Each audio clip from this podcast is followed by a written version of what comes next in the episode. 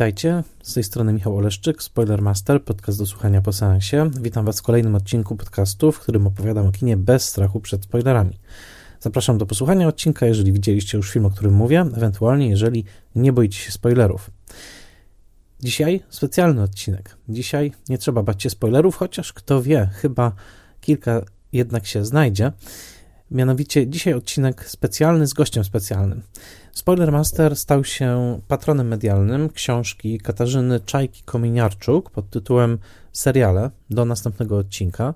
E, ta książka ukazała się nakładem wydawnictwa WAB i postanowiłem przybliżyć Wam tę książkę poprzez rozmowę z samą autorką. Katarzyna Czajka-Kominiarczuk jest autorką poczytnego bloga Zwierz Popkulturalny i moją koleżanką mieszkającą całkiem niedaleko mnie, na którą w normalnych, przedpandemicznych czasach często wpadałem w okolicznych kawiarniach. Ona pracowała nad swoimi materiałami, ja nad swoimi i zawsze mieliśmy okazję przyjemnie porozmawiać, zresztą nie tylko przy tych okazjach, ale także przy wielu innych. Bardzo podziwiam wiedzę Kasi dotyczącą popkultury i e, także tego, w jaki sposób pisze o niej. Polecam Wam jej książkę pod, poświęconą Oscarom, to była jej poprzednia książka w tym samym wydawnictwie. E, natomiast seriale do następnego odcinka to jest kompendium wiedzy na temat najbardziej dynamicznego fenomenu audiowizualnego naszej epoki, a mianowicie właśnie ogromnej popularności seriali. Więcej opowie nam już sama Kasia. Cześć. Spotykamy się wokół Twojej książki, e, kolejnej już zresztą. Tym razem poświęciłaś książkę serialom. Książka nazywa się Seriale do następnego odcinka i stanowi, ja bym to nazwał rodzaj przewodnika, ale bardziej po takim serialowym uniwersum, nie po konkretnych serialach, tylko w ogóle o tym, jak my możemy rozumieć seriale jako pewne zjawisko medialno-kulturowe, tak bym powiedział. I oświetlasz te seriale z bardzo różnych punktów widzenia. Od takich czysto produkcyjnych do tego, jak to się robi, e, po gatunkowe, na przykład, w jakich kategoriach dostajemy później to na tych półkach serialowych Powiedz mi najpierw, jak tobie, jak ty w ogóle pracujesz nad taką książką, bo ja bym to nazwał, że jesteś taką jakby reporterką popkulturalną, tak bym to nazwał, w sensie, że, że bo to nie jest, nie analizujesz seriali odcinek po odcinku, tylko właśnie dajesz taki reporterski, całościowy ogląd. Jak, jak, jak pracujesz nad taką, dodajmy, prawie 400-stronicową książką? To wymaga przede wszystkim najpierw zakreślenia takiego dużo szerszego pola niż to, co jest w książce. Czyli siadam i staram się rozpisać wszystko to, co się może kojarzyć, e, co może być pewnym problemem wokół seriali. Czy to w kwestii produkcji, dystrybucji, odbioru, relacji między serialami a społeczeństwem, czy tego, co zachodzi w samych serialach, czyli jak one są skonstruowane. W moim przypadku ta mapa myśli, którą zrobiłam do tej książki, bo olbrzymia, to było chyba A3. E, I pamiętam moment, w którym przyszłam z tym do redakcji, powiedziałam, dobrze, to są tematy związane z serialami musimy się na coś zdecydować, bo z tego co ja rozumiem, nie, nie, nie wolno mi napisać książki na tysiąc stron. I ostatecznie, y, że się tak wyrażę, z tego olbrzymiego zasobu tematów wykrawałam te, które wydawały mi się z jednej strony najciekawsze dla mnie, bo też zakładam, że osoba, która pisze książkę, powinna być zainteresowana tym, o czym pisze. Po drugie, takimi, które moim zdaniem są najbardziej takie, że jeśli je zrozumiemy, to potem nam łatwiej zrozumieć inne. Tak na przykład wydaje mi się, że nakreślenie pewnych zasad gatunków, na przykład proceduralu, sprawia, że potem łatwiej nam też zrozumieć te gatunki, które proceduralem nie są. Więc szukałam takich momentów, w których ta dawka wiedzy może coś dać e, widzowi, co właśnie będzie dla niego takim przewodnikiem. A jednocześnie cały czas miałam w głowie właśnie taką świadomość, która chyba powinna nam zawsze towarzyszyć, kiedy piszemy o popkulturze dla szerokiej publiczności, bo ja zawsze zakładam, że będzie jakaś szeroka publiczność, że nie istnieje właściwie w Polsce coś takiego jak edukacja e, telewizyjna. Bardzo jest słaba edukacja filmowa. I wiem, że mnóstwo osób się nią zajmuje, ale ona nie zawsze dociera do uczniów. W związku z tym bardzo często nie ma podstaw. To znaczy, pozostawieni przed serialem, przed filmem, bardzo często jesteśmy kompletnie pozbawieni narzędzi. I tu starałam się w taki dosyć przystępny sposób podsunąć pewne narzędzia, żeby być po prostu tym widzem bardziej świadomym. No i ostatnia rzecz, która była dla mnie ważna przy wyborze tematów, to to, że żyjemy w takich czasach, a nie innych, w których streaming staje się takim tematem kluczowym i on bardzo dużo zmienia, bardzo dużo uwydatnia.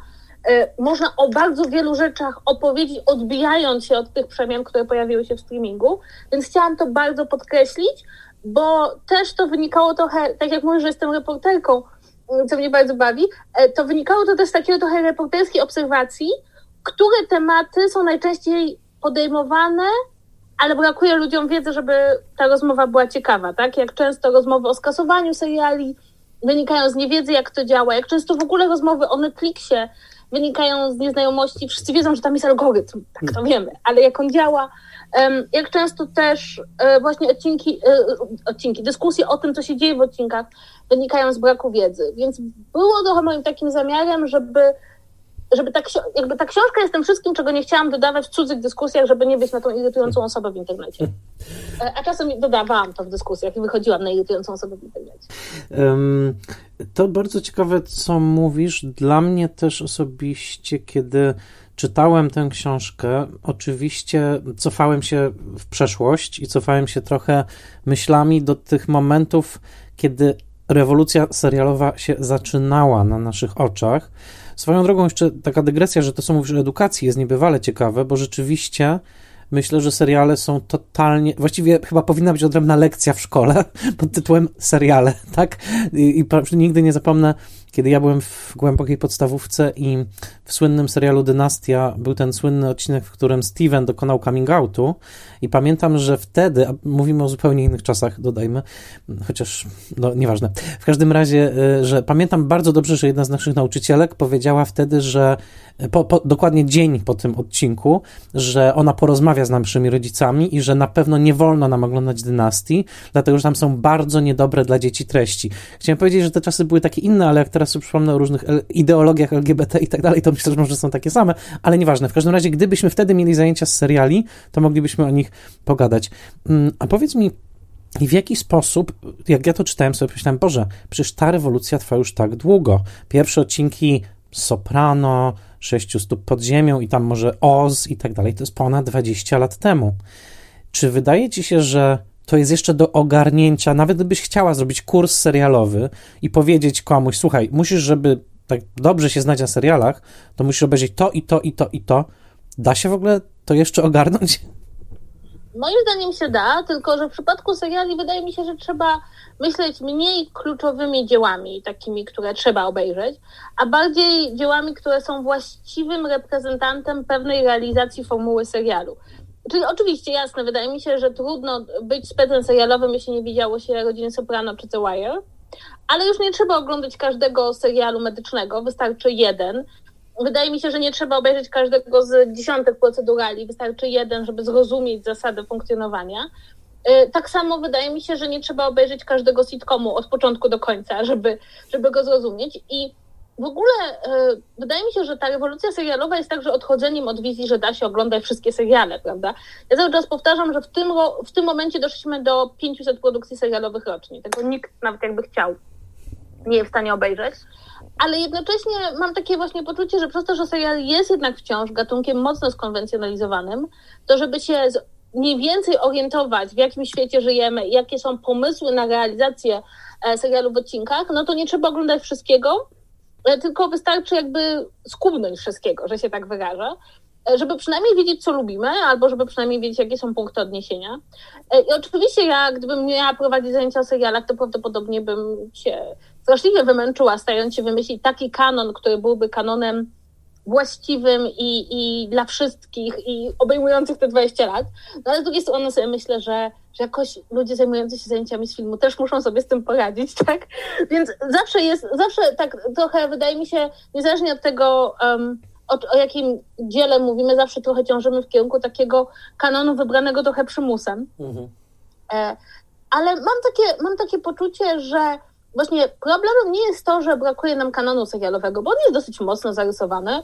E, wydaje mi się, że problemem jest właśnie to, że często ten kanon wyznaczają seriale gatunkowo bardzo spójne, na przykład właśnie seriale jakościowe, dramatyczne i dużo trudniej jest się przebić właśnie z takim zrozumieniem na przykład, że seriale obyczajowe są wprowadzone w pewien sposób, seriale komediowe, mm, właśnie te słynne procedurale i to jest moim zdaniem gatunkowość jest bardzo kluczowa w w serialach, zwłaszcza, że gatunki się nie starzeją. My to teraz widzimy, prawda? E, ja jestem z pokolenia, które wychowało się na Ostrym Dyżurze, który był niesamowitym hitem i był dla ludzi bardzo ważny. I co widzimy teraz? Szpital New Amsterdam, który jest dokładnie tą samą realizacją serialu medycznego, zdobywa sobie niesamowitą popularność, bo ludzi ciągnie do gatunków. Mhm. Bardzo, bardziej chyba nawet niż do konkretnych realizacji tego gatunku. Więc, więc myślę, że dałoby się to zrobić, chociaż pewnie byłoby to, byłoby to trudne, ale ale poradziłabym sobie. Właśnie zdałem sobie sprawę, że za Kasią jest najbardziej cool plakat, jaki widziałem w życiu. Teraz rozumiem, że jest to Kościuszko, tak? Tak, za mną, za mną wisi na ścianie Kościuszko, bo ja jestem w fanklubie Kościuszki. Jestem e, w grupie osób, które twierdzą, że powinniśmy dostać serial o Kościuszce. E, no, to właśnie o to chciałem zaraz zapytać. Ja dodam tylko, że sam, ja też jestem fanem Kościuszki, mam całą odrębną półkę, e, znaczy półeczkę z książkami o Kościuszce. Natomiast dodam dla naszych słuchaczy, bo podcast jest medium czysto słuchowym, że to jest Kościuszko zobamowany, to znaczy jest Hope i jest w kolorach tego słynnego plakatu wyborczego Obamy, bodajże z 2008 roku. W ogóle, wow, to jest do kupienia gdzieś? Tak, e, w sklepie Poliester można w Polsce kupić takiego kościuszkę. E, przyznam szczerze, że ostatnio zobaczyłam plakat Obamy i pomyślałam sobie, co plakat, co Obama robi na moim plakacie z kościuszką. Więc to już taka zmiana, zmiana perspektywy zaszła. No właśnie. I teraz y, to dobrze, to y, trzymajmy się hasła serial o Kościuszce, więc ponieważ ja ostatnio trochę miałem doświadczeń y, serialowych, ale też od tej strony produkcyjnej, to zauważyłem, że na wielu spotkaniach dotyczących właśnie produkcji seriali, spotkania z producentami, jest taka, taka mantra, a właściwie część dobrego obyczaju pitch, pitchingowania serialu, że trzeba wymienić referencje, to znaczy do czego ten serial byłby podobny, ten serial, do którego, który chcemy zrobić. To teraz tak ci na szybko, bo nie zapowiadałem tego wcześniej, powiedz mi, ok, serial o Kościuszce, ale jaki? Jakie byś podała referencje do serialu o Kościuszce? W sensie, do którego serialu, który kochasz, byłby taki serial e, zbliżony? Wydaje mi się, że w pewnym stopniu chciałabym, żeby był podobny do Rzymu HBO pod względem skali, ale także pod względem koncentracji na tym, że mamy z jednej strony te ważne postacie w historii, te, z których nazwiska znamy, a z drugiej strony postacie, które są mniej ważne, ale są zaplątane w ich losy. Mm, z drugiej strony wydaje mi się, że jest taki bardzo dobry amerykański serial Turn, który rozgrywa się w czasie właśnie wojny o niepodległość, więc to bym dodała. No a z drugiej strony tak estetycznie, gdybym miała szukać jakiejś estetyki, to bardzo mi się podoba serial BBC Poldark pod względem estetyki, bo on jest z jednej strony osadzony w tych realiach um, epoki, ale z drugiej strony jest tak estetycznie podrasowany, żeby był ładny i miły dla oczu widza współczesnego. I właśnie ja jakby wydaje mi się, że bo myśmy w ogóle ten serial Kościuszce powstał jako dowcip na, razem z moją koleżanką.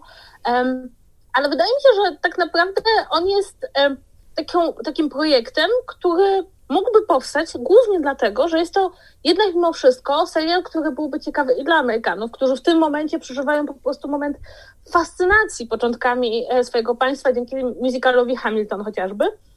A z drugiej strony mogłaby to być koprodukcja z Polską i, i ja wiesz, ja, ja już to widzę, ja już to przemyślałam. Byłoby tak, że główna oś akcji działaby się w, e, w czasie insurrekcji kościuszkowskiej w Polsce, a w retrospekcjach byłaby wojna niepodległość Stanów Zjednoczonych i to byłoby takie mhm. zestawienie zwycięstwo i przegrana, zwycięstwo nie u siebie, a przegrana u siebie i prawda, takie życie, które jest życiem wiecznego rewolucjonisty. No właśnie, jeżeli jacyś producenci nas słuchają, to pamiętajmy, że Kościuszko, co prawda wymieniane, wymawiane jako Kostausko, jest jednym z nielicznych nazwisk polskich, które znają Amerykanie, chociażby ze względu na most y, w Nowym Jorku, Kościuszko Bridge, e, ale też, e, o czym się często zapomina, Kościuszko był bardziej radykalny w kwestii wyzwolenia niewolników od Jeffersona i był o wiele, o, był, dla niego było oczywiste w ogóle, że niewolnictwo w każdym przejawie jest źle, co dla Jeffersona już było takie średnio średnio no jest, oczywiste. Jakby, jakby skoro jesteśmy przy temacie historii, że ten słynny trolerski wręcz testament Kościuszki, gdzie Kościuszko przeznacza swój zaległy rząd, żołd na wykupienie niewolników Jeffersona i zapewnienie im edukacji, żeby mogli być pełnoprawnymi obywatelami Stanów. Więc biedny Jefferson zostający z takim listem, po prostu z takim testamentem do wykonania. No jest to świetny wątek serialowy, nie? Dwóch, dwóch e, działaczy, rewolucjonistów, którzy mają tak różne poglądy. No właśnie, teraz sobie przypomniałem jeszcze serial Boże, nawet nie chcę liczyć sprzed ilu lat, bo to wszystko szybciej biegnie niż bym chciał, ale John Adams, ten, ten z Poliem Giamatti, to był też dobry serial historyczny o historii Stanów Zjednoczonych. Tak, i zresztą to był taki serial, który e, jednak John Adams to jest ten taki amerykański prezydent, który ma tą taką złą, złą prasę, prawda? Tutaj taka była próba wy, wyciągnięcia właściwie jego postaci i, i jest bardzo śmieszne, bo oglądałam ten serial dwa razy. Pierwszy raz przed obejrzeniem Hamiltona, a drugi raz po obejrzeniu Hamiltona i strasznie nie bawiło, bo w Johnie Adamsie Hamilton jest taką postacią, która jest negatywnie zarysowana i to jest bardzo śmieszne. Tak, no właśnie, zobaczymy, jak, jak te nowe mm, odczytania ojców założycieli będą w amerykańskim kinie. No i przede wszystkim nie zapominajmy, że Paweł Maślona pracuje nad filmem o Kościuszce. E, znam treatment, no jest, treatment był świetny. Zobaczymy, co będzie dalej ze scenariuszem.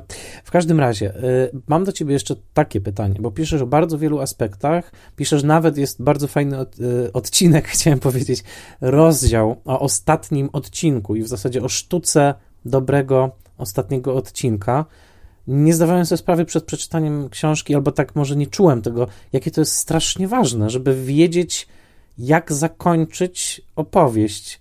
E, przybliżysz jeszcze ten temat dla tych, którzy jeszcze książki nie czytali?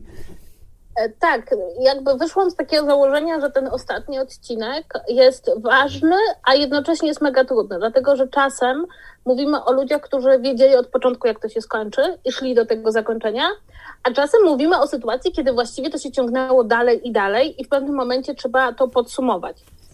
I dla mnie są takie, jest dla mnie kilka przykładów takich ostatnich odcinków i tego, jak one się układają w pamięci jak wpływają na percepcję całego serialu. I e, dwa takie odcinki słynne to jest ostatni odcinek Lost, który miał wyglądać zupełnie inaczej. To jest w ogóle dla mnie niesamowite, kiedy się przez lata buduje jakąś narrację z myślą o jakimś zakończeniu, a potem nagle się okazuje, że nie ma budżetu i ten odcinek wygląda inaczej. Drugi odcinek to ostatni odcinek Gry Tron, który moim zdaniem osobiście, razem z całym tym ostatnim sezonem, ale też ten ostatni odcinek sprawił, że że ten serial stracił swoją legendę jeszcze trwając. Mhm. To znaczy, że on się skończył tak na amen, e, a mógł przecież trwać dużo dłużej w pamięci, być takim serialem, do którego wracamy. Fantastyczny przykład tego, jak nie należy się przywiązywać do własnych zakończeń, czyli ostatni odcinek, jak poznałem waszą matkę, który został jakby on się nie składa emocjonalnie dla widza, mimo że składał się dla twórców, bo twórcy wymyślili to zakończenie, byli konsekwentni w tym zakończeniu, tylko problem polega na tym, że kiedy do niego doszli, widz był zupełnie gdzie indziej emocjonalnie, bo właśnie przeżył cały sezon, który mówił coś zupełnie innego o bohaterach i nagle kazano mu w przeciągu jednego odcinka kompletnie jakby wrócić do tych emocji, które miał kilka sezonów wcześniej. No i coś, co moim zdaniem jest, przynajmniej dla mnie, e, przykładem absolutnie idealnego zakończenia serialu, czyli ostatni odcinek Mad Men.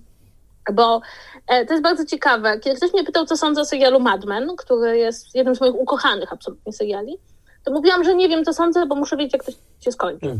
Był to taki typowy serial, dla którego najważniejsza była puenta. I muszę powiedzieć, że jak zobaczyłam ten ostatni odcinek, to sobie pomyślałam, że to powinien być wzór Sewry. Znaczy taki odcinek, którego ja się nie spodziewałam, ale który to idealnie kończy i zostawia mi z poczuciem, że to wszystko, co obejrzałam, miało sens. Mhm. I to jest moim zdaniem kluczowe, bo jeśli ten ostatni odcinek nie daje poczucia albo jakiegoś spełnienia, albo poczucia, że historia toczy się dalej, tylko my od niej odchodzimy, bo to przecież też jest bardzo lubiany zabieg. E, Ostry dyżur się tak kończy. Mhm. Ostry dyżur kończy się tym, że bohaterowie wbiegają do szpitala tam zająć się pacjentem i jakby jest wyraźna sugestia, że to my odchodzimy, a nie oni odchodzą. E, I mam takie właśnie poczucie, że jeśli nie ma takiego poczucia, że, że to miało sens, to cały serial potrafi się załamać pod, pod tym ciężarem. Mm-hmm, mm-hmm. I jest to bardzo ciekawe, bo, bo wydawać by się mogło, że najlepiej będzie, jeśli autor od początku wie, dokąd idzie. A tymczasem natura serialowa taka nie jest, bo czasem zdarza się na przykład, że jakaś postać tak się wybije przez lata, że zakończenie, które jej nie uwzględniało, hmm. będzie już niesatysfakcjonujące. Mhm. Tak, myślę sobie o tych dziwnych momentach, kiedy dla mnie, bo oczywiście każdy ma inny punkt odniesienia. Mm, y, dla mnie, pamiętam ten dziwny moment, kiedy zakończyła się rodzina Soprano w taki sposób, w jaki nikt się nie spodziewał, i do teraz chyba trudno by było powtórzyć to, jak to się skończyło, przez ten taki, no, niemalże to był taki slap in the face, tak? Na zasadzie myśleliście, że damy wam finał, no to w ogóle nie dostaniecie finału. Pamiętam też y, Seinfelda, którego był takim moim ukochanym y, sitcomem i, i, ten finał, który jest całkowicie absurdalny, w którym bohaterowie trafiają do więzienia za to wszystko, co zrobili, no właśnie, i zaczynają dokładnie tą rozmowę, od której zaczął się serial. Na jakimś poziomie może absurdu to działało, ale zostawiało też, chociaż z drugiej strony właśnie to jest to takie pytanie, jak zakończyć sitcom? Tak? Jak zakończyć coś, co jest z natury maszynką do rozśmieszania, a niekoniecznie podróżą postaci? Nie wiem, czy można na to jakąś odpowiedź. E, wiesz co, wydaje mi się, że nie do końca, dlatego że jak patrzę na zakończenia sitcomów, to one właśnie stawiają na podróż postaci. Mhm. Jeśli zobaczymy zakończenie przyjaciół, które właściwie mówi, że oni skończyli pewien etap życia, że przeszli przez etap życia i muszą zacząć od nowa w innym miejscu. Kiedy spojrzymy na zakończenie Frasera, które kończy się tym, że prawda, bohater, który był, jakby mieszkał ze swoim ojcem, bał się podjąć jakąś decyzję w życiu, wylatuje do innego miasta, zacząć od nowa i zobaczyć, co go tam czeka, czy go tam uczucie.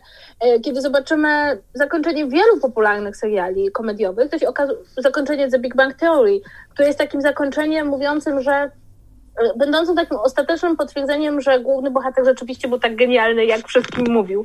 Więc wydaje mi się, że to paradoksalnie jest tak, że sitcomy mają w sobie pewną drogę, którą bohaterowie przechodzą i te zakończenia sitcomów są bardzo właśnie postawione na to, ej, a pamiętacie jak dawno zaczęliśmy się z tymi mm -hmm, bohaterami mm -hmm. bawić i śmiać i gdzie oni mimochodem doszli teraz. Mm -hmm, e, i, I to są bardzo często takie zakończenia, które są niesamowicie emocjonalne.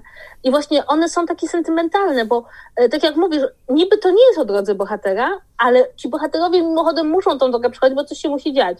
I potem ma się ten ostatni odcinek i nagle się okazuje, że bohaterowie wzięli ślub, mają dziecko, mm, muszą się wyprowadzić, nową okazję do pracy nagle się okazuje, kurczę, myśmy z nimi tak strasznie dużo przeżyli, więc mm -hmm. bardzo mi się wydaje, że zakończenia sitcomów potrafią być wzruszające, choć twoje wspomniane zakończenie Seinfelda, no przecież ono wkurzyło tyle osób, to jest jedno z najbardziej znienawidzonych zakończeń.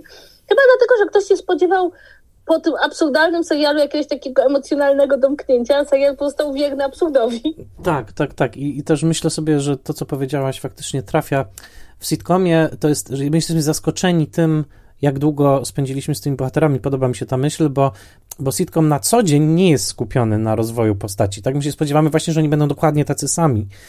Ale tak mimochodem mija te 8 lat albo te 9 lat. Pamiętam, ja miałem taki rytuał oglądania z moją mamą serialu Murphy Brown, czyli no, takiego jednego w ogóle z pierwszych sitcomów, jakie obejrzeliśmy w Polsce legalnie I, i myśmy to przez lata oglądali. To był taki rytuał po prostu, że oglądaliśmy to wspólnie i kiedy skończył się ten bodajże dziewiąty sezon, i, i to, to rzeczywiście no, łza się wkręciła w oko, bo czuliśmy rzeczywiście, że już się z tą Murphy nie spotkamy, chociaż po latach okazało się, że był jeszcze sequel, ale taki nieudany tego serialu, reboot. No, natomiast rzeczywiście to jest, jest coś w tym. A, a powiedz mi y, tak, y, bo, bo, piszesz o klasyfikacji seriali, piszesz bardzo też ciekawe anegdoty o, o tym, co się dzieje, kiedy aktorom coś się przydarza na planie, albo w ogóle jak aktorzy się zmieniają, nie wiem, zachodzą w ciąży, albo mają jakiś wypadek, to też fantastycznie, jak writerzy muszą przepisywać. Ale bardziej chciałem zapytać o coś innego, mianowicie, czy masz swoją taką typologię widzów serialowych? To znaczy tego, jak ludzie oglądają seriale. Czy, czy byś tak potrafiła stworzyć taką galerię postaci właśnie pod tym konkretnym e, względem? I od razu zacznę znaczy, od ja... mojej... No, no, mów, mów. Znaczy chcę powiedzieć, że już kiedyś ją stworzyłam, mhm. E, bo miałam kiedyś stałe taką prelekcję na licznych konwentach, na które jeżdżę, w tym właśnie typi, robiłam typologię oglądania seriali i tego, jak się je ogląda, w jakich relacjach. Wydaje mi się, że należałoby tutaj od oddzielić dwie główne grupy osób i to tak chyba jeśli chodzi o całe jakby zajmowanie się kulturą, to znaczy ludzie, którzy oglądają seriale, bo seriale są, ludzie, którzy się interesują serialami. I to są dwie zupełnie osobne grupy, które mówią czasem zupełnie innym językiem e, i czasem oglądają te same tytuły, a czasem jedni już dawno obejrzeli jeden, kiedy drudzy się orientują, że ten istnieje. E, I przez bardzo wiele lat te grupy nie były tak rozbieżne, ale przez to, że seriale stały się tak niesamowicie popularne, to dzisiaj bardzo dużo osób ogląda seriale się nimi nie interesując. I teraz wśród tych widzów, którzy oglądają seriale, są tacy, którzy są bardzo uzależnieni od tego, co wypada obejrzeć w danym momencie, czyli bardzo mocno przyklejeni do trendów.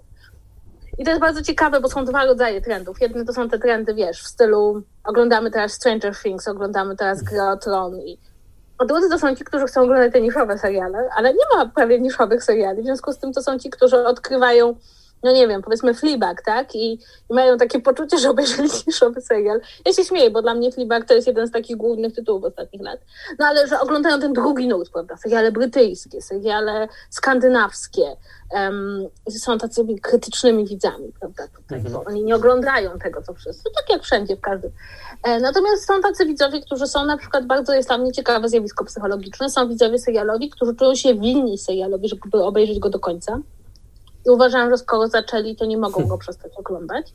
E, są widzowie serialowi, którzy mają takie poczucie, że jednak w pewnym momencie, jeśli serial ich nie bawi, to nie muszą go dalej ciągnąć. Wydaje mi się, że jest olbrzymia różnica pokoleniowa między, między widowniami. To znaczy, e, wydaje mi się, że im starsza widownia, tym prędzej będzie paradoksalnie ciągnąć ją do dużych produkcji popularnych, ponieważ do lat dochodzą do nich te sygnały, że te, że te filmy i seriale istnieją i są warte obejrzenia i wszyscy o nich mówią. Młodzi ludzie, to, że mają bardzo dużo platform, mają też jakby często nie podążają za trendami w kraju, tylko międzynarodowymi. Bardzo często są o krok do przodu albo oglądają. Dla mnie było fascynujący taki moment, kiedy młodzież e, prawie na całym świecie, miałam wrażenie, oglądała serial Scam, norweski serial dla młodzieży, który miał potem międzynarodowe różne e, elementy. Serial, o którym w ogóle w Polsce się nie mówiło. Ja przeglądając jakieś Twittery Tumblr i Instagramy widziałam, że on żyje, tylko gdzieś tak na peryferiach właśnie wśród młodych ludzi. Więc także kwestie wiekowe są ważne, bo to rzeczywiście oglądamy pokoleniami seriale, mm-hmm, nie mam mm-hmm. wątpliwości. Wydaje mi się, że są tacy widzowie serialowi, którzy nie orientują się, że seriale mają gatunki. To jest jedna z tych rzeczy, która mnie chyba naj, najbardziej boli mm. jako osobę zajmującą się serialami. Czyli na przykład ktoś przychodzi, oglądał procedurę, ale skarży się, że każdy odcinek wygląda tak samo. Mm -hmm, Albo na przykład ludzie, którzy odrzucają sitcomy jako ten, jako w ogóle całość. A, bo to są głupie seriale. -hmm. Nie seriale realizujące jakiś schemat, tylko one są głupie, tak? Um, wydaje mi się też, że wśród e, widzów serialowych bardzo można odróżnić tych, którzy jednak mimo wszystko stawiają na binge-watching i takie oglądanie zachłanne, łapczywe, a takie, którzy oglądają seriale y, co pewien czas, po jeden, po dwa odcinki, nie, w ogóle nie umieją wejść w ten świat binge-watchingu. No i wydaje mi się, że jest jeszcze taka kategoria widzów, ludzi, którzy właściwie nie oglądają seriali, tylko seriale przy nich lecą. To jest e, trochę jak kiedyś był otwarty telewizor. E, ja nie wiem, czy, czy to kojarzysz. W domu bardzo często było tak, że telewizor po prostu był i coś w nim grało i się jadło obiad i się go nie oglądało. Mm-hmm. I mam wrażenie, że dzisiaj bardzo dużo osób włącza tablet czy mm. komputer i, puszcza jakiś serial, ale czy go tak naprawdę ogląda, nie powiedziałabym. Może jeden, mm-hmm. pięć minut z całości. E, I są jeszcze widzowie, którzy zawsze dążą do nowości, chcą mhm. być tacy okurą i zawsze wiedzieć, co jest najnowsze, a tacy, którzy mają swoje ukochane tytuły, do których bardzo często wracają, jakby nie czują straty czasu, kiedy wracają do serialu. Ja w ogóle chciałam powiedzieć, że ja nie uważam, żeby jakiekolwiek wracanie do czegokolwiek było stratą czasu, bo mhm. człowiek jest inny w związku z tym inaczej to odbiera. Więc tych kwalifikacji serialowych, widzów serialowych jest dużo i wydaje mi się, że to jest ciekawe, najciekawsze we współczesnym jakby świecie, to że oni się spotykają w kilku tych samych miejscach. To znaczy, tak jak widz multiple- e, e, produkcji superbohaterskiej e, mija się z widzem, powiedzmy, niszowego kina europejskiego, bo jeden idzie do kina studyjnego, a drugi do multiplexu i oni się fizycznie czasami są w stanie spotkać, to tutaj te wszystkie grupy czasem spotkają się na Netflixie, mhm. a czasem spotkają się na HBO i czasem się widzą nawet. Czasem się zdarza, że się widzą, tak? Widzą, że jest jakiś taki serial, co jest mocno promowany. I to mi się wydaje ciekawe zjawisko. Ale tak, ale bardzo mamy różne te schematy oglądania seriali i przeżywania seriali, bo jeszcze tutaj należałoby dodać, że jest duża różnica między ludźmi, którzy po prostu oglądają seriale, a ludźmi, fandomy, czy grupy dyskusyjne, czy mhm. całą tą oprawkę wokół serialu, wokół jego produkcji, powstawania no bo to są już zupełnie jakby inne sposoby odbioru kultury. Mhm, mhm. No, mm, niedawno zdałem sobie sprawę z tego, że binge-watching, swoją drogą, jeśli jakiekolwiek terminy padające w naszej rozmowie są dla słuchaczy niejasne, odsyłam do samej książki, w której także znajduje się użyteczny słowniczek. E, binge-watching e, do pewnego momentu wydawał mi się fenomenem stricte pokoleniowym. Wydawało mi się, że młodsi ludzie tylko binge'ują, jest, jest, nie, nie, nie jest tak, ponieważ na przykład moja mama, którą serdecznie pozdrawiam, jest dla mistrzynią binge-watchingu. To znaczy, jeżeli ona się w coś wkręci, niedawno jej poleciłem Call My Agent na Netflixie, który ja oglądałem też przez swoje zajętości różne, ale no, mama też nie próżnuje, tak? Tylko, że ja sobie oglądałem kawałkami ona po dwóch dniach do niej zadzwoniłem i ona już była w połowie trzeciego sezonu, tak? I ja mówię, jak ty to robisz? No siedzę do pierwszej, drugiej w nocy, no lubię tak obejrzeć parę odcinków. Także to, to, to, to nie jest pokoleniowe, prawda?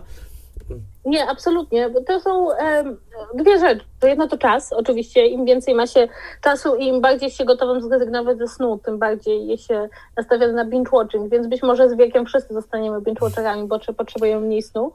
A druga to taka, że te platformy uruchamiają pewne mechanizmy psychologiczne, które są niezależne od wieku.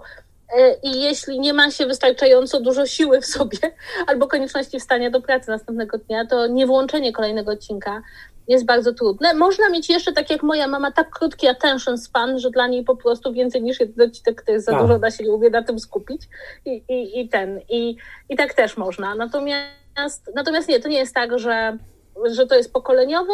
Mi się kiedyś wydawało natomiast, że binge-watching będzie charakteryzował ludzi bardzo wciągniętych w świat serialowy, prawda? Bo z mhm. tego on wyszedł. Pierwszymi binge-watcherami byli fani, którzy nagrywali sobie te odcinki, wymieniali się kasetami, potem płytami. Ja kupowałam seriale. Mogę się pochwalić, moja kolekcja sezonów Doktora House'a mm. nie mam dwóch sezonów kupionych w tym samym kraju. Jest po prostu, mam całą Europę w tych sezonach, po prostu od, od Portugalii po Niemcy. Na DVD, tak?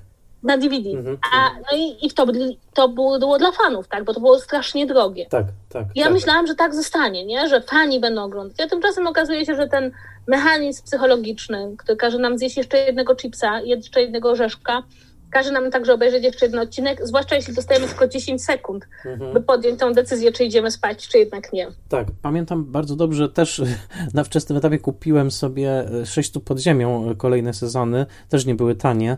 E, no oczywiście świat się totalnie zmienił. Ja cię chciałem zapytać o kontrowersyjną rzecz, to znaczy o mm, piractwo. E, dlatego, że Teraz jest zupełnie inny świat, zupełnie, ale kiedyś tak nie było, że mieliśmy legalne HBO Go, legalnego Netflixa i inne platformy. Mm, nigdy nie zapomnę jednej sytuacji. Miałem duże szczęście i przyjemność prowadzić spotkanie z Joshem Radnorem w trakcie e, off-kamery w Krakowie, e, który grał w How, How I Met Your Mother i e, to było niesamowite, bo tam ludzie walili drzwiami i oknami, a tego filmu wtedy legalnie, tego serialu wtedy legalnie nie było w Polsce. Ja nigdy nie zapomnę tego, jak, jak ten Josh patrzył na ten, tam byłem z nim za kulisami, on patrzył na ten dziki tłum i, i on mówił, wow, I had no idea that there are so many fans of the show in Poland. A ja mu nawet nie powiedziałem, ja nie chciałem mówić, you know, Josh, we don't even have the show in Poland, really. Ale ludzie to oglądali oczywiście, tak? I powiedz mi, jakby, ja cię zapytam od takiej strony, czy obecnie, kiedy mamy już te wszystkie platformy i one są bardzo bogate, czy są takie obszary seriali, z których nadal z powodów dystrybucyjnych jesteśmy wykluczeni? Jakby ile do nas nie dociera rzeczy, o których ty czytasz, a które są interesujące? Czy, czy to jest wciąż duża pula? E, tak, tak, to jest wciąż duża pula, e, bo to jest trochę tak, że mm, przede wszystkim nie dociera do nas Disney Plus. I w tym momencie to już jakby tak bo ja powiem od razu, że nie byłoby mojego zainteresowania serialami, gdybym nie korzystała z piractwa. No nie dało się w pewnym momencie oglądać seriali w Polsce, będąc, być na bieżąco, mm, bez korzystania z tych metod. Porzuciłam je głównie dlatego, że zdałam sobie sprawę, że jako osoba dosyć znana i rozpoznawalna nie powinnam dawać złego przykładu i uważam, że akurat no, to jest koszt, który płacę za swoją popularność, że mi nie wypada E, i nie powinnam tego robić. Natomiast jestem ostatnią osobą, która będzie oceniała kogoś, kto chce obejrzeć ciekawy, dobry e, serial, który jest niedostępny w kraju w żaden legalny sposób. Bo ja uważam, że jeśli istnieje jakaś legalna droga, a nam się nie chce płacić, no to to jest dyskusyjne, tak? Ja zdaję sobie sprawę, że to oczywiście jest zawsze kwestia tego, dla kogo jest kultura i czy tylko dla tych, którzy mają pieniądze, no ale jednak mimo wszystko istnieje jakaś legalna ścieżka. Natomiast w tym momencie znowu wróciliśmy do sytuacji, którą myślałam, że już nie będzie kiedy istnieje dzieło kultury, którego się nie da legalnie obejrzeć w kraju. Ja tego nienawidzę, bo mhm. uważam, że to dzielenie e, świata na strefy przez korporacje, którym się opłaca albo nie opłaca, sprawić, że można brać udział w kulturze popularnej. I najpierw tworzy się zapotrzebowanie kolejnymi filmami, a potem nagle się mówi, ale nie, to seriale nie jest dla nas wystarczająco dobry, mieszkając w Polsce, no to ja nie, nie będę nikogo oceniać. Jakby mhm. sami sobie to zrobiliście, przepraszam bardzo. Mhm. Jakby sami stworzyliście to potrzebę. Natomiast ogólnie nie ma bardzo wielu seriali w Polsce, dlatego że my sobie nawet no, nie do końca zdajemy sprawę, ile produkcji, um, na przykład, o, chociażby przykład szpitala New Amsterdam. Ja o szpitalu New Amsterdam pierwszy raz usłyszałam dwa lata temu. dowiedziałam się, że taki serial jest, strasznie chciałam go obejrzeć. I go nigdzie nie było. No po prostu. Trafił teraz na Netflixa i nagle się okazuje, że jest wielkim hitem. Jest serial Rezydent, który jest podobno równie dobry co Szpital New Amsterdam. Nie da się go obejrzeć. W tym momencie osoby, które oglądają od kilkunastu lat Grey's Anatomy nie znajdą na żadnej platformie streamingowej aktualnego sezonu Grey's Anatomy, chociażby.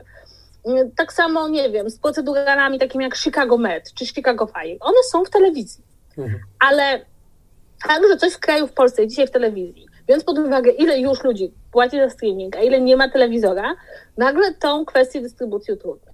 Do tego wszystkiego warto zdać sobie sprawę, że są w ogóle całe platformy, które w Polsce mają niewyobrażalnie ograniczoną dystrybucję. E, jasne, mamy Amazon Prime, mamy Netflixa, mamy Apple Plus TV i mamy, i mamy HBO Go, ale nie mamy Peacock, czyli e, platformy NBC. A ja uwielbiam serial NBC, więc jest mi smutno z tego powodu. E, mamy ograniczone e, Paramount Plus, które niedawno się zaczęło, które ma na przykład seriale CBS. Mm, mamy niesamowicie ograniczoną Hulu. Na Hulu jest mnóstwo superprodukcji, które do nas docierają albo z olbrzymim opóźnieniem, albo w ogóle. E, ja oczywiście czasem, czasem jak jest jakaś produkcja, której nie ma w Polsce, to okaże się, że ja nie napisałam wcześniej. Mhm. Mamy e, problem olbrzymi, znaczy problem, no to jest z mojego punktu widzenia olbrzymi problem, to znaczy my w Polsce nie mamy legalnego dostępu do produkcji BBC i ITV. Co dla mnie jest w ogóle straszne, kiedy ja wiem, że jest jakiś nowy serial ITV i ja go nie mogę obejrzeć od razu, tylko muszę poczekać, aż on ewentualnie trafi na HBO, bo w Polsce HBO mhm. dystrybuuje seriale brytyjskie. I e, jakby ja sobie radzę w ten sposób, żeby było od razu, że bardzo często nie oglądam najlegalniej serialu, ale od razu kupuję DVD. Więc mam czasem DVD z serialami, których nie lubię, ale BBC od razu daje, od razu jak się zaczyna serial, daje DVD na, do, mhm. do kupienia, więc jakby kupuję równolegle, więc ale tak, jakby to jest wa ważne, żeby zdawać sobie sprawę, że nas omija niesamowita ilość i to amerykańskie i brytyjskie, czyli takie najbardziej dostępne, bo nie mówię oczywiście o dostępności mhm. seriali mhm. europejskich, bo z tym jest jeszcze gorzej. Um, omija nas strasznie dużo i nie da się, znaczy, da się iście próbować być zawsze legalnym i nie oglądać, tylko no, problem polega na tym, że kultura to jest taka rzecz, że to nie chodzi o to, żeby obejrzeć jakikolwiek serial i obejrzeć, czy przeczytać jakąkolwiek książkę, tylko tą konkretne dzieło z tymi konkretnymi aktorami tych konkretnych twórców. Więc ja jestem, jestem wielką zwolenniczką zdejmowania, jakby zdejmowania tego lokalizacji i tego, żeby, żeby można było mhm. zapłacić mhm. uczciwie, bo gdyby BBC, naprawdę autentycznie, gdyby BBC puściło, to się chyba Brit nazywa, tak się nazywa ten taki, do Polski, to ja bym im dała połowę mojej pensji. Po mhm. prostu w trymiga i obejrzałabym wszystko, co by mieli. Mhm. I fakt, że tego nie mogę zrobić, mnie strasznie frustruje. Mhm. Tak, pamiętam kiedyś taką bardzo gorącą dyskusję, która pokazała właśnie te nierówności geolokacyjne. To już jakiś czas temu było, kiedy krytyczka magazynu Time e, amerykańskiego bardzo pojechała w internecie po, e, dodam, krytyczkach i krytykach, swoich w zasadzie kolegach i koleżankach z innych części świata za to, że, że tak powiem, docierają czasami nielegalnie do treści i wtedy jakby ona usłyszała, że wiesz, powiedzmy Stefani, nie każdy może pójść na Times Square i obejrzeć pokaz prasowy tego, co ty oglądasz, no a jakby my mamy te same kompetencje kulturowe, te, tak samo, poza tym my piszemy o tych rzeczach, czyli de facto my kreujemy też tę, ten, tę potrzebę w widzach, żeby to oglądać, więc pracujemy w tej samej branży co ty, tylko że ty po prostu masz o wiele, jesteś usytuowana na o wiele wygodniejszej półeczce, tak, niż my, a my tego nie robimy po to jakby z zdrożnych celów, tylko chcemy po prostu pisać o kulturze, więc to, to są takie rzeczywiście bardzo skomplikowane, skomplikowane rzeczy. Ja absolutnie zgadzam, jakby e, chciałabym zwrócić uwagę, że bardzo często jest tak, że ja się orientuję, że napisałam kiedyś o jakimś serialu wcześniej i potem jak on doszedł do Polski, to ludzie wracali i mówili, obejrzałem to, bo przeczytałem twój tekst dwa lata wcześniej, że taki serial warto obejrzeć, więc mhm. rzeczywiście, rzeczywiście to, to nie jest tak, że to jest wyłącznie egoistyczne w przypadku osób, które piszą o kulturze. Dokładnie. A ja już się nauczyłem czegoś takiego, ja mogę to nazwać roboczo modlitwą hulu. To znaczy, jak widzę, że jest coś na hulu i wiem, że jest dobre, to modlę się, żeby ktoś to kupił w Polsce, tak? I tak było z normalnymi ludźmi, o których wiedziałem stosunkowo wcześnie, o których mieliśmy swoją e, drogą okazję rozmawiać. I tak sobie myślałem, no dobrze, słyszę, że to jest świetne, wiem, że stoją za tym świetni ludzie, chcę to zobaczyć, nie mam pojęcia, czy ktoś to u nas kupi. No i potem się okazało, że na szczęście HBO, tak? tak. Także to był taki, taki przypadek. Um, teraz troszeczkę odwrócę stolik i zapytam ciebie, co uważasz o serialu, w którym miałem e, no, pewną rolę, e, e, mianowicie o o serialu Pisarze, którego drugi sezon pojawił się właśnie na Kanal Plus i jest dostępny także na platformie Kanal Plus w całości. Premiery odcinków są w piątki, ale tak naprawdę wszystkie odcinki już są w sieci. E, można je oglądać legalnie, legalnie dodam. I tak e, celowo, bo dodam, że Spoilermaster jest patronem mm, medialnym twojej książki, to taki nasz pierwszy oficjalny, nazwijmy to crossover, ale też wydawało się to niesłychanie ciekawe, że to właśnie w tym kontekście też przez takie trochę przypadkowość życia tak to się układało, że ja troszeczkę zacząłem też pracować w tej serialowej branży, oczywiście na razie bardzo, bardzo y, tak jeszcze nie, nie no, początkująco. I chciałem Cię po prostu zapytać, jako autorkę książ książki o serialach, y, jak Ci się oglądało pisarzy, co, czy to jest dla Ciebie w ogóle ciekawy format? Dodam dla słuchaczy opowieści zupełnie oddzielne, pisane przez oddzielnych ludzi literatury, kultury. Mm, I tak, w pierwszym sezonie te postaci zawsze są grane przez Macieja Sztura i Magdalenę Cielecką, a w drugim sezonie przez Antoniego Królikowskiego i Zofię Wichłacz. No tak, mnie to spodobało, ale mam wrażenie, że to jest produkcja, która wymaga od odbiorcy bardzo wielu różnych kompetencji. E, już pomijam fakt, że e, poetyka tego serialu jest taka bardzo, no mi przypominała e, jakby seans krótkometrażowych filmów na różnych festiwalach filmowych i też takie przyzwyczajenie do tego, że ja obejrzałam na ca całość na jeden raz. I, I, wydało mi się to zresztą bardzo dobrym sposobem przy tym serialu, bo on jakby tak można wtedy porównać różne podejścia i zabawy tą konwencją i mieć to wszystko na świeżo. Więc z jednej strony miałam takie poczucie, że to jest taka kompetencja, którą trzeba mieć, to znaczy umiejętność oglądania krótkiego metrażu. Bo tam to jednak mimo wszystko trwa no bardzo krótko, to jest kilka minut mhm. i to jednak oznacza, że oglądamy scenę i czy jakąś sytuację, no i e, trzeba sobie zdawać sprawę, że w przypadku tak krótkiego metrażu, no ja przynajmniej mam inny schemat oceny, tak? Dla mnie ważna jest puenta wtedy, spójność wewnętrzna, jakby stworzenie, szybkie stworzenie pewnej atmosfery, w którą mogę wejść. Druga rzecz to oczywiście kwestia znajomości pisarzy bo wydaje mi się, że to jest kluczowe tutaj, żeby się dobrze bawić, prawda? To znaczy, jak oglądamy odcinek robiony przez e, Ziemka Szczerka, no to musimy wiedzieć, że to jest on i co on nam może zafundować. Jak oglądamy przez Łukasza Orbitowskiego, to e, dobrze mieć Łukasza Orbitowskiego przed oczyma duszy swojej i wiedzieć, kto zacz. I, I tak wydaje mi się, że to jest bardzo ważne. To znaczy, to jest świetna zabawa, jak się zna tych pisarzy, jak się zna mhm. ich styl, jak wie, co, co piszą, jak piszą, jakich mają tych swoich bohaterów i czego się można po nich spodziewać, bo albo się będą zgrywali z naszymi oczekiwaniami. No tutaj Łukasz Obitowski się mega zgrał, prawda, fakt, że tutaj jest wydzierany, ale jednak z miękkim sercem chłopak, to, to, to nie jest przypadek, tak? A, a czasem będą nas zaskakiwać.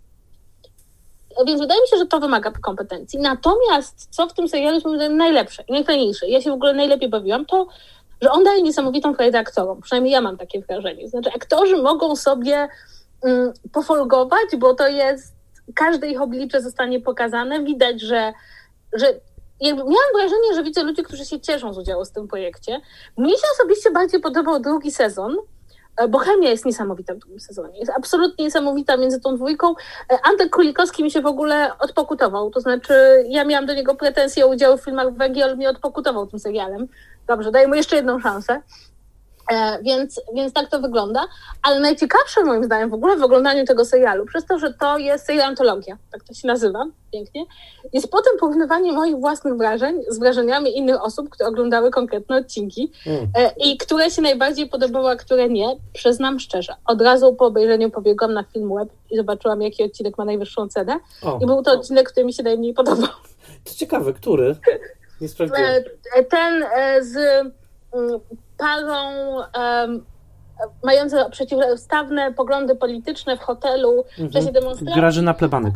Grażyna, wydało mi się, znaczy mam duże zastrzeżenia do pewnych skrótów myślowych, jakie tam poczyniono i, i uważam, że, że w obecnej sytuacji Polski to za bardzo troszeczkę spłyca pewne fakty e, i mi się to jakby, to nie było źle zagrane i miało fajne dialogi, ale mam wrażenie, że nie wybrzmiało mi w, w tym, co się mhm. obecnie dzieje w Polsce.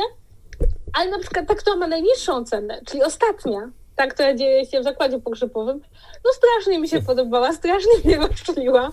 To odcinek Małgorzaty Reimer. Tak, oczywiście, że to tylko taka scenka jest, ale, ale strasznie mi się spodobała. Jakoś nie wiem, jakoś właśnie może dlatego, że chemia między aktorami jest taka, a może dlatego, że, to, że ten, ten pomysł, którym on się z nią dzieli, jest taki kiczowaty niesamowicie. No było to w każdym razie bardzo bardzo mi się podobało i to też jest bardzo fajne, nie? Bo dzięki temu, że te odcinki są takie krótkie i, i takie stawiają na jedno czy dwa uczucia, e, to E, to bardzo dużo mówią o tobie, więc jest to, jest to bardzo fajne. Twój, twój też mi się bardzo podobał, bardzo mi się podobał. Bardzo się cieszę, to dla mnie dużo znaczy, że tak mówisz. E, dla mnie to był w zasadzie debiut, bo, bo ja w ogóle nie planowałem, to, to, to dopowiem, że nie planowałem, kiedy zostałem zaproszony do projektu, zresztą byłoby idiotyczne, gdybym jako kierownik literacki sam proponował swój udział, byłoby to co najmniej dziwne, ale, ale stało się zupełnie inaczej, to znaczy producent sam zapytał, czy nie chciałbym napisać, ja powiedziałem, że tylko jeżeli wy zaakceptujecie ten odcinek, w sensie mogę spróbować, ale ja nie będę akceptował tego odcinka. I, i oni go zaakceptowali, znaczy, mówiąc oni, też mam na myśli Pawła Maślona oczywiście, mm, więc to była dla mnie super przygoda. Natomiast mówię o Pawle też nie bez przyczyny, bo bardzo niesłychanie dla mnie jest ciekawe to, co mówisz, bo, bo też jakby za dużo czasu spędziłem przy tym projekcie i, i też pewne rzeczy może przestały być dla mnie tak widoczne, ale bardzo ważna była osobowość y, kreatywna Pawła Maślona w tym. Znaczy w zasadzie myślę, że warto myśleć o tym serialu. Ciekawe, że powiedziałaś o tym, że warto go oglądać w jednym kawałku, bo dla mnie to jest trochę autorski film Pawła Maślony, w tym sensie, że myśmy bardzo pracowali z Pawłem, z producentem, żeby wydobyć z tych tekstów co, to, co nam się wydawało najbardziej interesujące, zredagować je, też uspójnić, bo jednak no jakby Łukasz Orbitowski nie wiedział, co napisała Grażyna Plebanek, a Grażyna Plebanek nie wiedziała, co napisał Ziemowicz Szczerek. To było nasze zadanie, żeby jakoś temu nadać pewną spójność ale wspaniałe było obserwowanie właśnie Pawła i tego, jak on w dialogu ciągłym z nami, ale jednak wyraziście dążył do tego, żeby to się zamknęło w taką jednolitą reżyserską także wizję. Także to bardzo ciekawy proces był dla mnie. Ale to bardzo widać, jeśli się porówna pierwszy sezon z drugim. A, no, no widzisz. No bo widzisz. ja obejrzałam mhm. pierwszy i drugi, najpierw obejrzałam drugi, a potem pierwszy mhm. i drugi mi się podoba bardziej. E, chociaż to było dla mnie zaskoczenie, bo ja bardzo lubię sztukę i cielecką i wydawało mi się, że oni to już będzie, na pewno będzie mi się każdy odcinek podobał. Mi się drugi podoba bardziej. I mam wrażenie, że dlatego, że jest spójniejszy reżysersko. Mhm, że, mhm. że bardziej jakby, jakby bardziej widać, że to jest jedna osoba. Mhm. E, I też Mam takie wrażenie, że też, co jest w ogóle ciekawe w przypadku tego serialu, i dlatego uważam, że należy go oglądać naraz, jest to, jak ze sobą te e, nowele właściwie dialogują. A dialogują bardzo.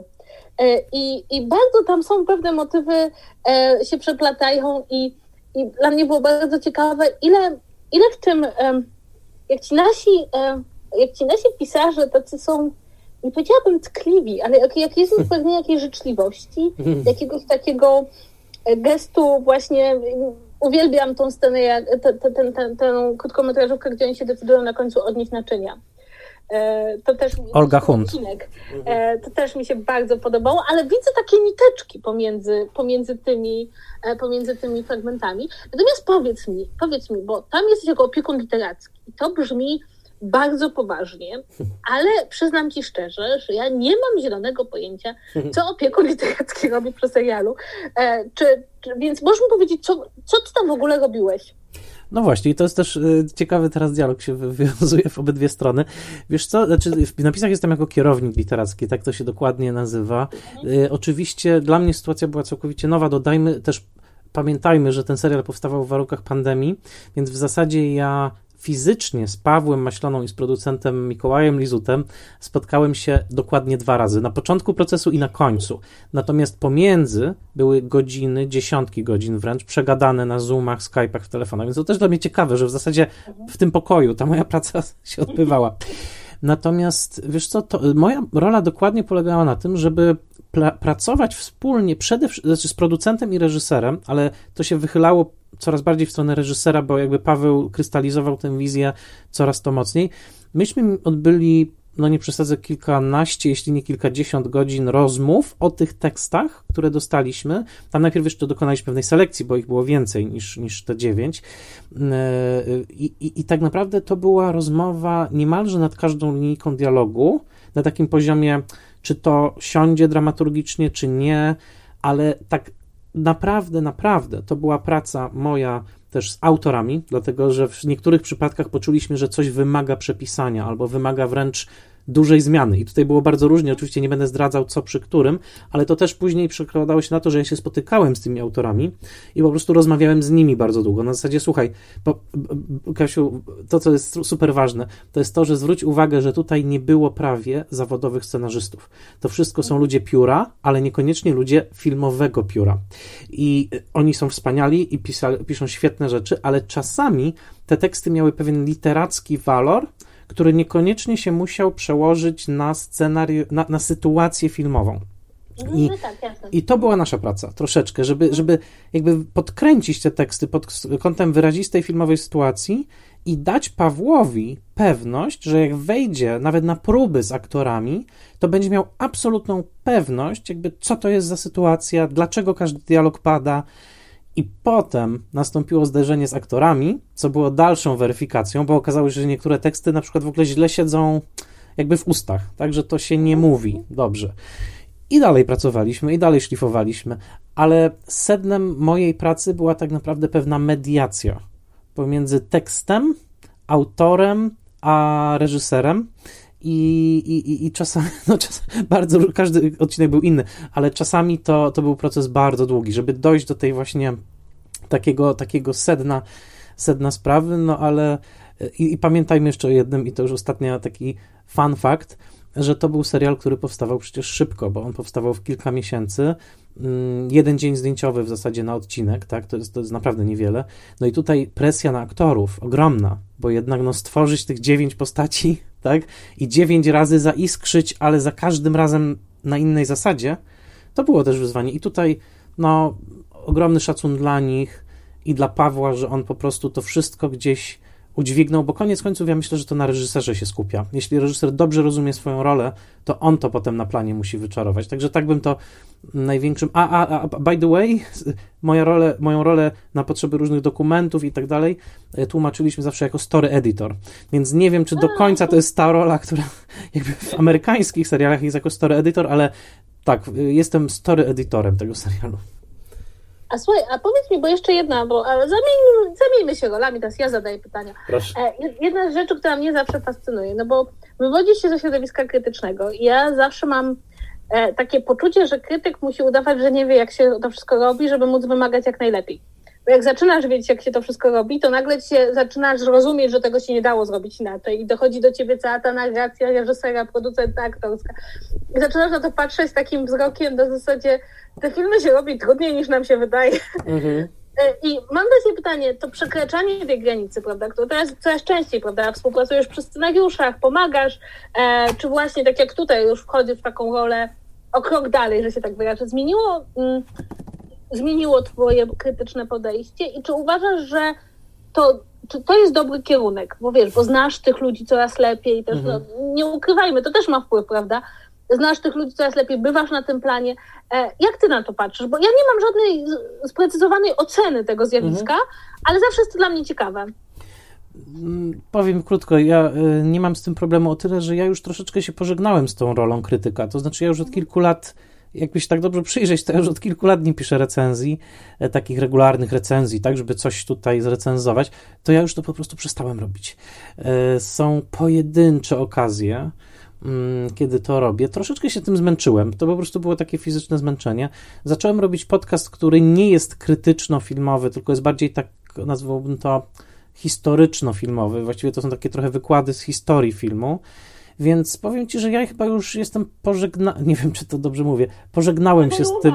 E, tak, ja już, się, ja już się pożegnałem z tym krytykiem we mnie. Oczywiście to nie zmienia faktu, że zawsze mam swoje zdanie i mam je ale powiem Ci, że na tym etapie mojego życia jest dla mnie o wiele ciekawsze właśnie to kreatywne podejście i takie trochę próbowanie, co wyjdzie, co nie wyjdzie, e, jak to w ogóle działa, jak, jak można jakieś efekty ciekawe wykorzystać na ekranie, a tym, co jest moim ogromnym szczęściem, bo tutaj jest po prostu wielkie szczęście, to jest to, że producentka Kanal Plus, czyli Anna Różalska, po prostu na tyle mi zaufała, żeby mnie sparować z ludźmi, których naprawdę zawsze podziwiałem. Myślę o Pawle, ale myślę też o kilkorgu innych osób, bo już zajmuję się też e, e, kilkoma innymi serialami teraz Kanal Plus w tej samej roli, w roli kierownika literackiego, więc pracuję, ja powiem to zabrzmi banalnie, ale pracuję z naprawdę super uzdolnionymi ludźmi, których podziwiam, więc uczę się od nich cały czas, a jednocześnie czuję, że mam rzeczywiście coś do wniesienia, ale to nie jest to, co ja uruchamiałem jako krytyk. To są inne umiejętności. Ja bym powiedział, że bardziej chyba jakaś taka, nie wiem, zmysł, może, być może jakiś zmysł literacki jednak, no bo to we mnie zawsze, zawsze się kłębiło, tak? I jak, jak na jakieś, czy to dialogi w tramwajach i tak dalej, w większości wymyślane przeze mnie i tak, to co spisywałem na Facebooku, no to, to gdzieś we mnie jest, więc y, jestem, ja, ja to nazywam tak, jestem osobą towarzyszącą dla piszących, y, trzymającą ich trochę za rękę, czasami kierującą ich w inną stronę, i mów, a przede wszystkim zadającą pytania, tak? Mówię, słuchaj, okej, okay, to jest super, a co by było gdyby, tak? I jakby, i to jest coś niesamowitego, jak obcujesz z naprawdę kreatywnymi umysł, umysłami, to wystarczy czasami dosłownie wskazać kierunek albo powiedzieć, słuchaj, zobacz, a co tam się kłębi za tym krzakiem, tak? I oni, oni już, oni sami wymyślą tak super rzeczy, tylko czasami po prostu trzeba zadać odpowiednie pytanie. Więc ja tutaj jakby z pokorą przyjmuję tę rolę kierownika, ale ja tak naprawdę jestem zadawaczem pytań i podpowiadaczem kierunków. Tak bym to nazwał. No tak, ale twoje analityczne umiejętności pozwalają ci zadać odpowiednie pytania, bo wiesz, co działa, a co nie działa, więc wydaje mi się, że tutaj nie pożyczasz do końca swoich umiejętności. Masz rację, masz rację. Masz Przecież e, co robimy, jak krytykujemy film? Zadajemy sobie pytania non-stop i, i hmm. zadajemy pytanie, czy to mogło być inaczej, czy to musiało tak być. Natomiast mam też drugie pytanie. Ach, Dajesz. ja się dobrze czuję w tej roli. Zaraz no zobaczymy, jaki będzie balans. No, no, no. E, jeden odcinek wyszedł spod twojej ręki. Tak, tak, tak. Więc to już jest trochę dalej. Już nie ty mhm. zadajesz pytania, a właściwie pytanie zadawane sobie, że się tak wyrażę. E, I czy, czy to było coś takiego, że pomyślałeś sobie, hmm, fajne, e, mógłbym więcej, Zwłaszcza, że ten twój, e, ten twój fragmencik, e, ten twój e, odcinek, on, on jest fajny i on jest jakby tak, to prawda, ja wiedziałam od razu, że ktoś z nich musi jechać na Żoliborz, mm. to było absolutnie jasne. To było... Po pierwsze, tam, no dobrze, już nie, nie, nie, będę, nie będę spoilował. Ale, tak. ale, no. mm, ale muszę powiedzieć, że, że tak się właśnie zastanowiłam, tak patrząc na to, że w sumie czy masz taką myśl, że a może coś dłuższego, a może coś więcej? W sumie dlaczego by nie? Ba bardzo bym chciał, ale wiesz co, powiem ci, znaczy w ogóle jest jedno marzenie, z którego nikomu się nigdy nie zwierzyłem. To naprawdę będzie pierwszy czas ever, czy może jednej osobie to powiedziałem. E, mianowicie, wiesz co, moim największym marzeniem jest napisać sztukę teatralną kiedyś. Wiesz, jakby mam różne próby takie totalnie prywatne za sobą. Wiem, że to dziwna odpowiedź na twoje pytanie, bo ty wiozłeś mnie o film, ale znaczy powiem tak, widzę siebie jako autora ewentualnie krótkich historii, bardzo marzyłbym napisać sztukę teatralną. To jest moje chyba największe w ogóle. A jeżeli chodzi o scenariusz filmu fabularnego, to mam na koncie współpracę przy filmie e, Łukasza Rondudy, który teraz się kończy, właściwie już jest po zdjęciach, film o Danielu Rycharskim, Wszystkie nasze strachy, gdzie byłem współautorem scenariusza. I to była super przygoda na inny odcinek i na inną rozmowę. Ale powiem Ci szczerze, że tak w sercu, jakbyś mnie zapytała, to najbardziej marzyłbym, żeby pisać krótkie filmy, ale żeby napisać jakąś śmieszną sztukę teatralną. To mnie absolutnie nie dziwi, ponieważ mam wrażenie, że to jest tak, że każdy z nas nosi, ma swoje sukcesy, ma swoje osiągnięcia, jakieś drogi zawodowe i nosi w sercu takie marzenie, które jest tym marzeniem tej osoby alternatywnej. Na tak, przykład ja tak, tak, chciałabym tak. wydać tomik poezji, bo to jest zawsze coś, do czego mnie ciągnęło. No kto patrząc na moje książki, moją działalność myśli, że ja noszę tomik poezji pod sercem, a jednak, więc mam wrażenie, że zawsze mamy w głowie tą naszą drugą osobę, która mogłaby robić zupełnie co innego. Ty byłbyś wielkim dramatopisarzem, ja byłabym cudną poetką, a no co siedzimy w tym filmie i serialach. Dokładnie, więc zobaczymy, może kiedyś te nasze drugie ja się spotkają i w ogóle wyjdą, wyjdą z szafy, a powiedz mi, co by napisała druga albo trzecia Kasia, gdybyś miała być i tutaj odsyłam do słowniczka twojego, showrunnerką jakiegoś serialu, to jakie by było twoje takie ultimate marzenie? O czym to by było? Czy to by było poważne, czy śmieszne? Mam kilka, y, kilka seriali, które bym chciała. E, strasznie, strasznie chciałabym serial o który działby się w Warszawie w dwudziestoleciu międzywojennym i dotyczyłby środowiska filmowego, ponieważ moje, jakby to jest taki film, który gra mi ciągle z tyłu głowy. Uważam, że tam są takie postacie i takie historie i byłoby to i zabawne, i wzruszające, i edukacyjne i uważam, że fakt, że ma, jakby mieliśmy serial o Bodo, który był straszliwą skuchą, straszliwą. Mhm. E, jakby dla mnie przynajmniej, osoby, która w tym siedzi. Mm, mamy króla, który moim zdaniem jakby jest trochę za bardzo, bierze siebie zbyt poważnie, a ja bym właśnie chciała taki, taki serial, który byłby z jednej strony trochę zabawny, trochę obyczajowy, a z drugiej strony dawałby kawał historii, a tam to wszystko jest i to w prawdziwych historiach, więc to jest takie jedno moje marzenie. Drugie, strasznie, strasznie brakuje mi serialu, które działby się w Polsce, opowiadałby o powiedzmy kobietach w moim wieku, tylko nie byłby nie byłby ani na licencji, ani próbą zrobienia polskiego seksu w wielkim mieście. I chciałabym, żeby, nie żeby występowały tam takie problemy, które naprawdę występują w życiu osób w Polsce obecnie, e, bo mam czasem wrażenie, że jakby że to nie jest tak, że, że, jakby już w serialach amerykańskich pojawiają się wątki, nawet w tych rozrywkowych, pojawiają się takie wątki realne, społeczne, a w Polsce wszyscy się tego nadal boją, strasznie się boją, że nie daj Boże, porozmawiamy poważnie o tym, jak strasznie trudno dostać pracę w tym kraju, albo że mhm. bywa czasem, może być strasznie fajną dziewczyną 30 parę lat mieć karierę, tylko mieć mobbing w zakładzie pracy, tak? Mhm. E, I jak, jak oglądam czasem te seriale amerykańskie, to tak strasznie zazdroszczę tego właśnie, tego połączenia, że z jednej strony siedzą do serialu, który jest rozrywkowy i sympatyczny, ale co pewien czas się tak mhm. tak dziobnie w, tak. w, to, co, e, w to, co boli. E, I, I jeszcze mam takie, i to jest, też chodzi za mną, strasznie, strasznie chciałabym sitcom, który działby się w kawiarni w Warszawie, jedną z postaci byłby taki influencer, który tam zawsze pracuje na laptopie i zamówił od lat jedną kawę. I oni go starają się wykopać za wszelkie ceny. On się tam za, za, za, zagnieździł, ale dzięki niemu ludzie przychodzą, bo on ciągle rzuca zdjęcia z tej kawiarni. To, to jedna taka postać, widzę ją po prostu z laptopem przy oknie non-stop. I też brakuje nam takich, e, jakby wydaje mi się, że Polska jest ogólnie śmiesznym krajem. Ja wiem, że większość osób powie, jest tragicznym, ale ja uważam, że jest strasznie śmiesznym krajem. E, I strasznie mi brakuje sitcomu w Polsce. Takiego mhm. naszego, zwykłego polskiego sitcomu. Naprawdę ten kraj jest tak śmieszny, że można się śmiać codziennie. Jakby ja, ja, i, i, wydaje mi się, że czy to, nie wiem, hipsterska kawiarnia na Żoliborzu jako punkt wyjścia, czy jakiekolwiek miejsce pracy w Polsce byłoby absolutnie cudowne. Wydaje mi się, że jakieś takie polskie The Office byłoby absolutnie genialne. Moglibyśmy to potem sprzedawać na wschód, gdzie wszyscy by rozumieli ten rodzaj humoru.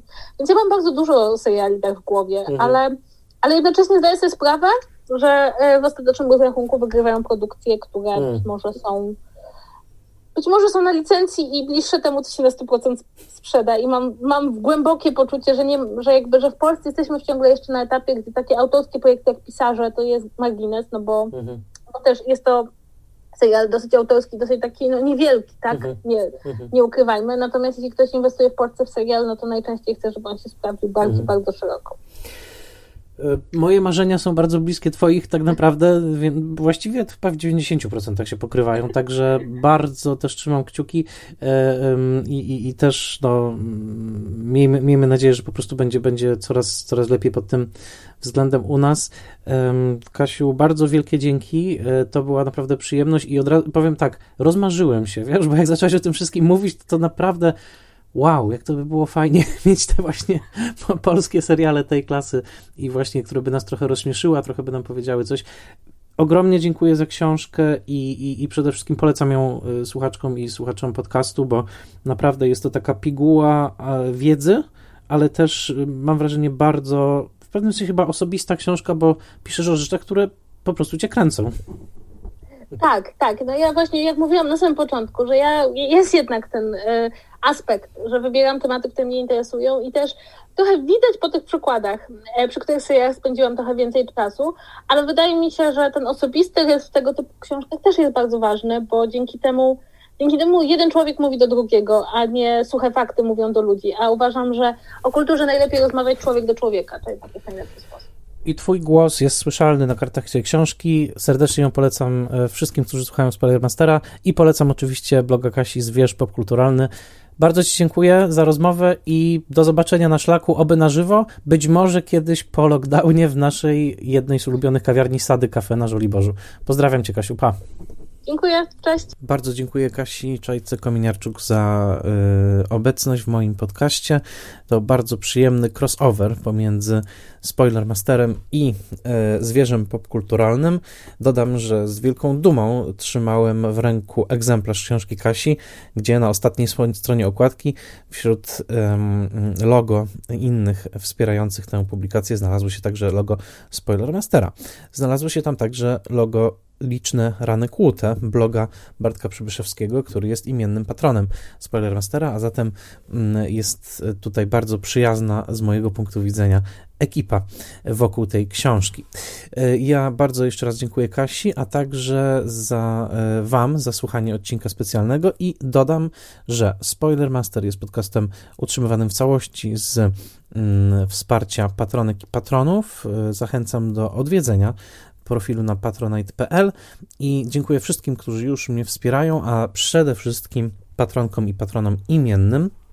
To znaczy Michałowi Hudolińskiemu, Agnieszce Egeman, Odjemu Hendersonowi, Beacie Hołowni, Annie Jóźwiak, Tomaszowi Kopoczyńskiemu, Bartkowi Przybyszewskiemu, autorowi bloga Liczne Rany Kłute, no właśnie, o którym już wspomniałem, na którym przeczytać można o kinie, komiksie, internecie i telewizji, Konradowi Słoce, Mateuszowi Stępniowi, Jerzemu Zawackiemu i Tomaszowi Mączce, autorom podcastu Let's Make Movies, prezentującego ciekawe analizy filmowe, blogowi Przygody Scenarzysty, prezentującego analizy scenariuszowe, a także Fundacji Wasowskich, dedykowanej ochronie spuścizny Jerzego Wasowskiego i wydającej książki Grzegorza Wasowskiego. Serdecznie im wszystkim dziękuję. To był niespodziewany odcinek specjalny Spoilermastera. Mam nadzieję, że Wam się podobał, a już za trzy dni zapraszam w piątek, jak zawsze, na nowy odcinek Spoilermastera. Do usłyszenia.